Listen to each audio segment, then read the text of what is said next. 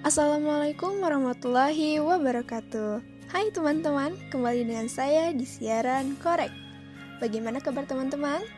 Saya harap selalu sehat-sehat ya Dan jangan lupa selalu cuci tangan dan gunakan masker saat keluar rumah Teman-teman, di episode kema kemarin kita membahas mengenai perkembangan anak Apa teman-teman masih ingat?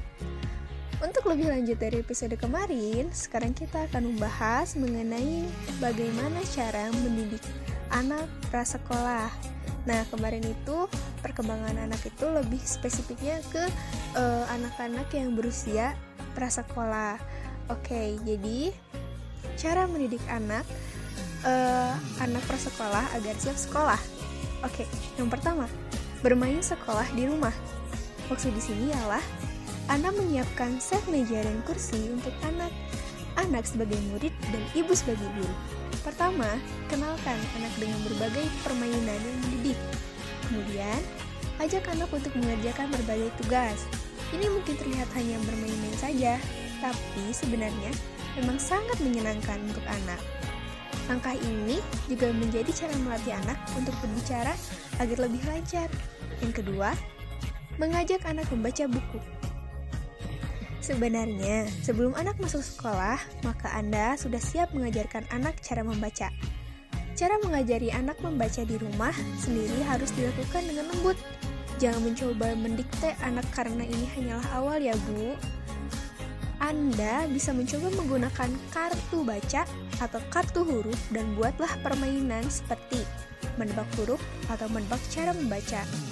Lalu yang ketiga, mencoba mengajari anak mandiri saat sekolah nanti, maka Anda akan terpisah dari anak selama beberapa jam. Saat itu, maka anak harus sangat mandiri dan hanya mendapatkan bantuan guru untuk hal tertentu saja. Sekarang, saat anak masih di rumah, maka cobalah membuat anak mandiri. Biarkan anak memakai sepatu sendiri, memakai kaos kaki sendiri, berganti baju, dan semua hal yang mereka butuhkan, tapi yang ringan saja. Anda harus mengarahkan tanpa ikut campur. Langkah ini akan menjadi cara mengatasi anak remaja. Lalu, yang keempat, dengarkan pendapat anak. Salah satu hal yang menakutkan anak tentang sekolah adalah tentang guru dan teman mereka. Ini hal yang sangat wajar, dan Anda tidak perlu memarahi anak. Anak Anda memang akan masuk ke lingkungan baru dan merasa sangat takut. Jadi, dengarkan pendapat anak mengenai hal itu. Berikan motivasi sehingga anak menjadi lebih semangat. Jika Anda jika anak mengeluh, maka jangan membentak karena bisa terkena dampak membentak anak. Oke, lalu yang kelima, dorong anak mengatakan perasaan mereka. Banyak anak yang sudah berbicara dengan aktif, tapi mereka masih enggan untuk berbicara dengan orang tua. Biasanya, anak terjadi uh, biasanya ini terjadi karena anak takut akan tindakan orang tua. Dan jika sudah berkelanjutan, maka bisa membuat anak terus memendam rasa khawatir mereka. Untuk itu, Anda bisa mencoba agar anak mau mengeluarkan perasaan mereka.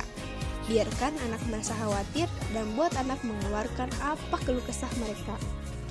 Yang keenam, biarkan anak menyesuai, menyelesaikan tugasnya.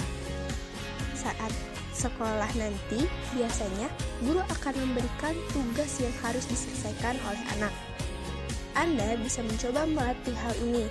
Berikan sebuah tugas yang ringan, kemudian berikan anak biarkan anak menyelesaikan sendiri.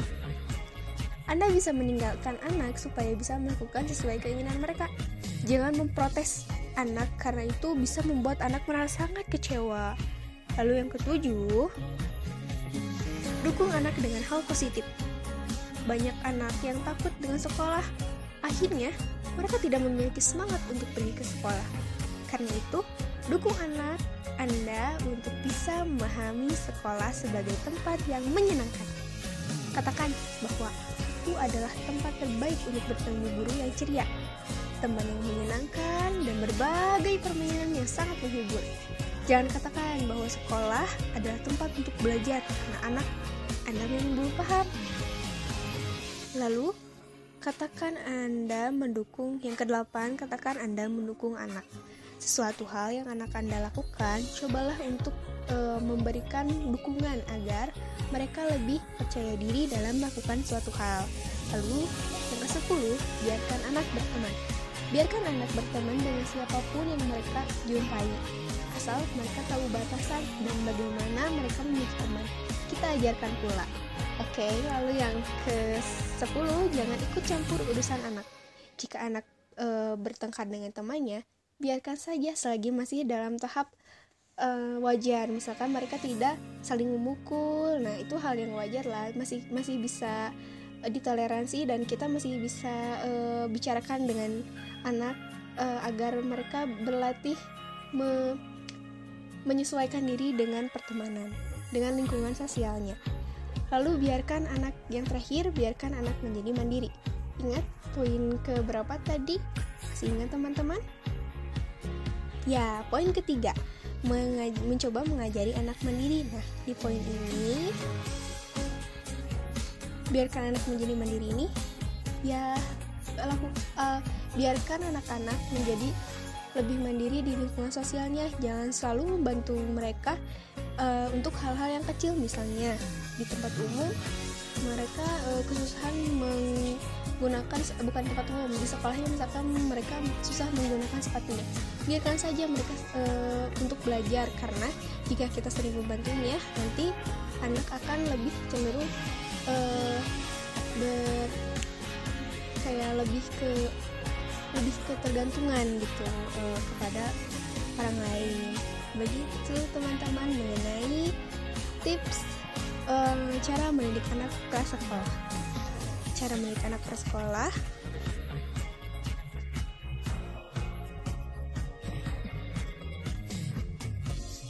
lalu ada tambahan cara mendidik anak prasekolah yaitu yang pertama hilangkan rasa penakut pada pada anak karena rasa penakut ini akan terbawa sampai anak dewasa. Kalau tidak dihilangkan sejak dini. Yang kedua, hilangkan rasa pemalu pada anak karena anak akan merasa minder atau tidak percaya diri. Karena dirinya tidak berani atau malu. Jadi di dalam mendidik anak usia dini pertama kali yaitu tanamkan rasa percaya diri pada anak karena agar anak tidak jadi anak yang pemalu atau penakut dan lain-lain. Jadi teman-teman, dapat disimpulkan, kunci sukses mengasuh usia prasekolah sebenarnya tergantung dari bagaimana orang tua ingin mengajarkan si anak.